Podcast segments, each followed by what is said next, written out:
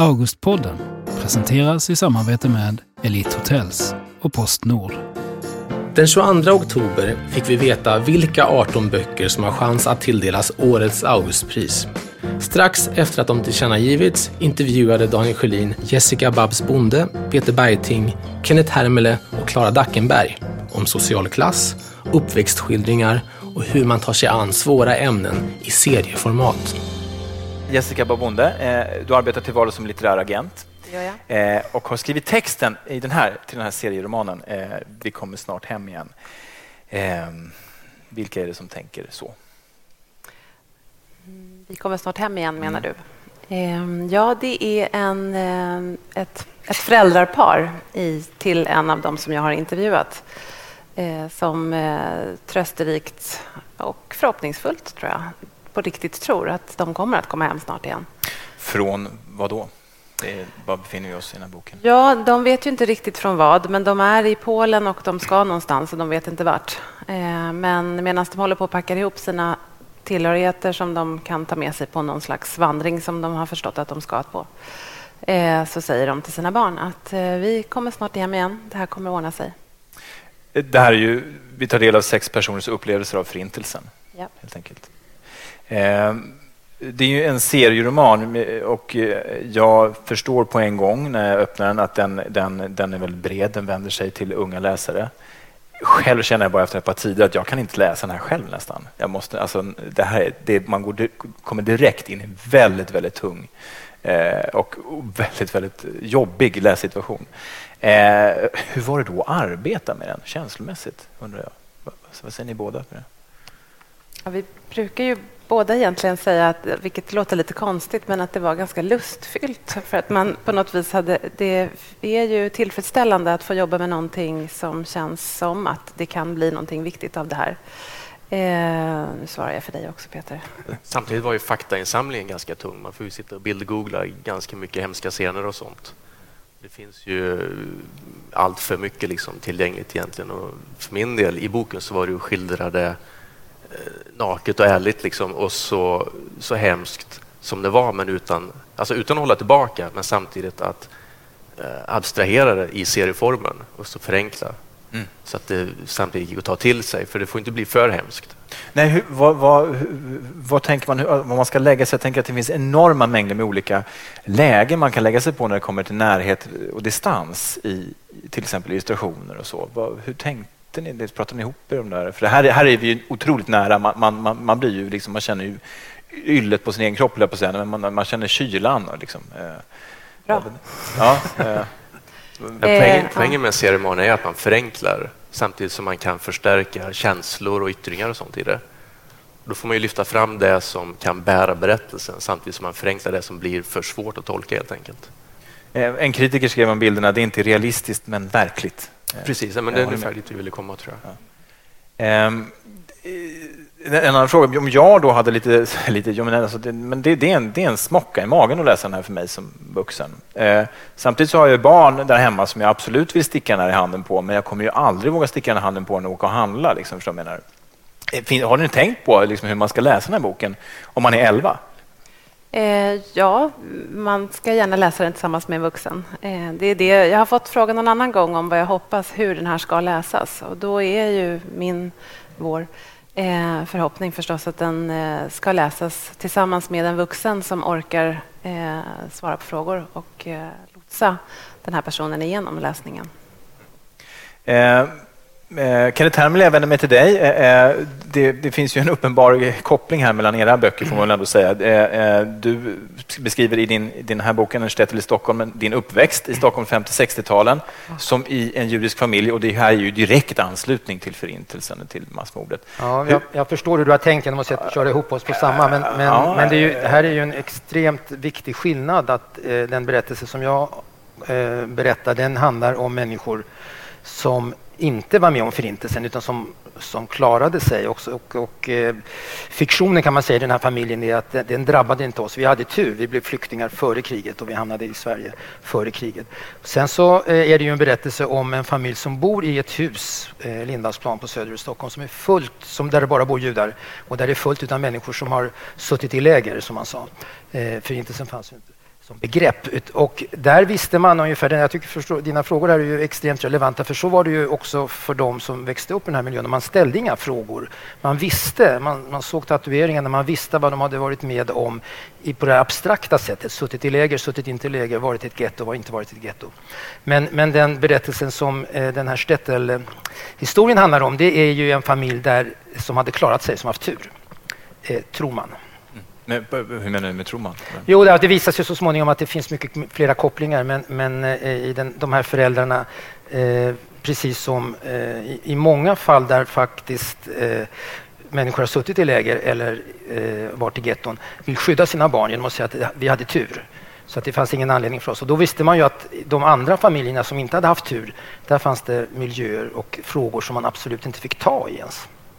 Eh, samtidigt är det här en helt annan berättelse också, det, som du säger. Det är en Stettel i Stockholm. Stettel är ord för en judisk by, vet jag. men vi är i ja. Stockholm. Så att säga. Var, var, var, i Stockholm är vi någonstans? Vi är, ju, vi är de här kvarteren där vi befinner oss nu. Vi är på Södermalm eh, och där kommer eh, föräldrarna i den här berättelsen, eh, som bägge två är flyktingar som kommer före kriget och därför klarar sig undan förintelsen. De hamnar i det här judiska huset och de hamnar i en miljö där de bara umgås med judar. De hamnar, och pojken som växer upp han hamnar så småningom på den judiska skolan. Det finns ett judiskt centrum. Eh, och man lever i den här judiska miljön och, och Stettel är ju annars ett begrepp eller en, en företeelse som man tänker sig försvann i och med förintelsen. Nazisterna dödade ju de här judiska byarna i Polen och i Ukraina, i Litauen och i Ryssland. Men eh, den här familjen är, eh, upprättar en sorts ny, eller de som kommer, de här judarna som kommer till Sverige, de upprättar en sorts ny Stettel-miljö och där växer den här pojken upp och är väldigt nöjd med det, att vara i den här stätten. Samtidigt är han ju så småningom på väg ut i det svenska samhället också.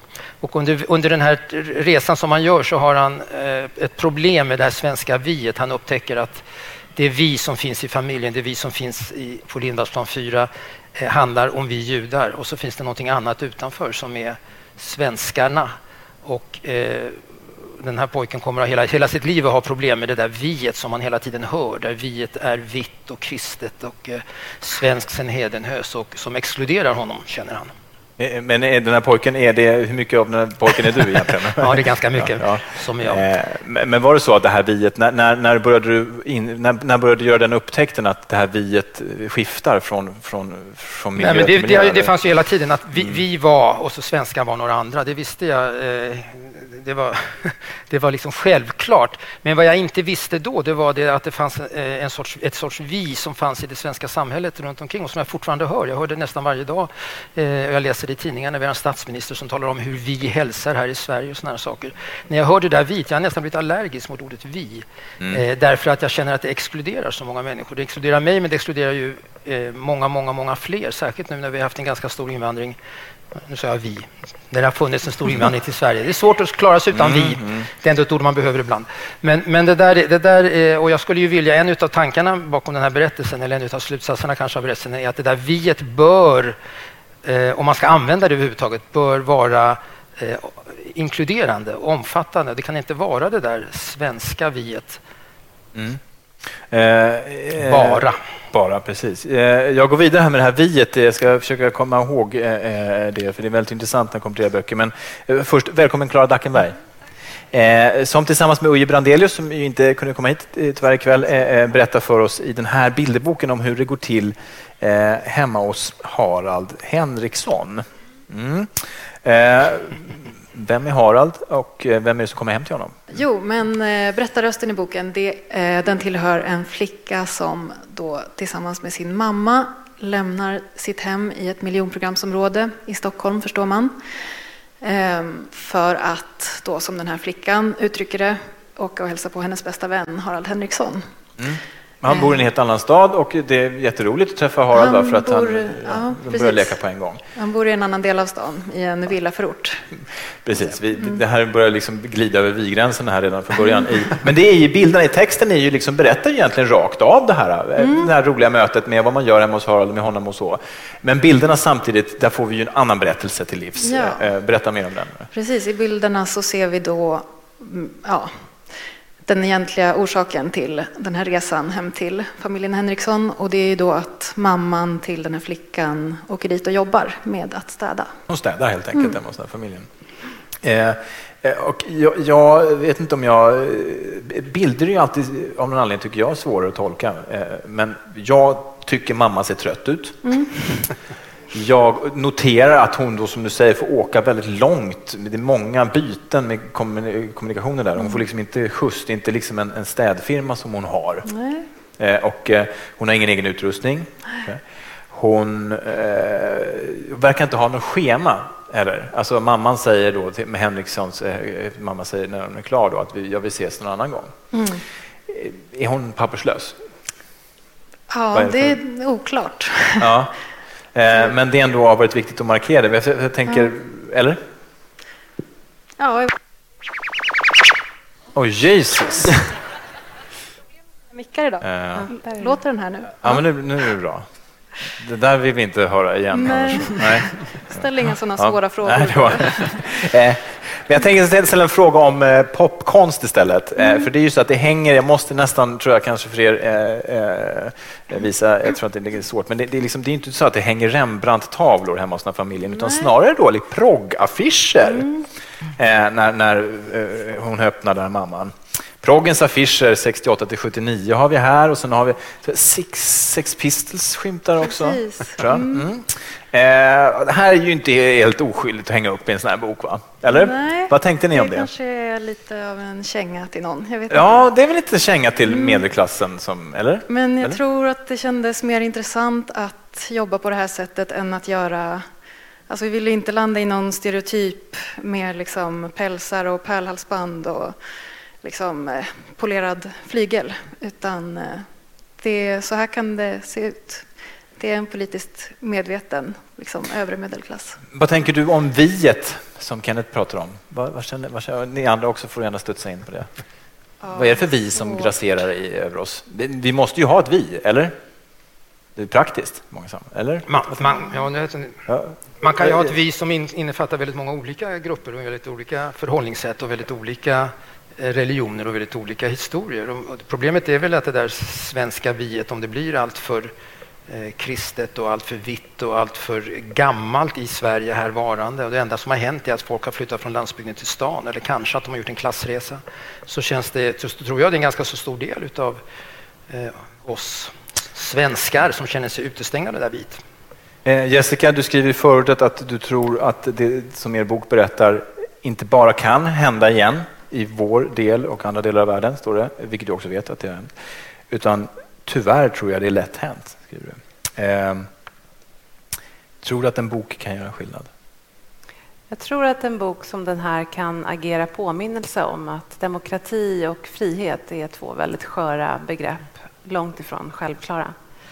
Eh, och det tror jag kan göra skillnad om vi tar till oss den påminnelsen. Vad säger ni andra? Nej, men det, det kan man väl inte säga någonting emot? Nej, det är inte svårt. Det, det är svårt att... Vi har ingenting att invända Nej. mot en analysen. Eh, eh, hörni, eh, tack så mycket för att ni kom hit. Klara Dackenberg, Kenneth Hermele, Jessica Bobomde och Peter Weiting.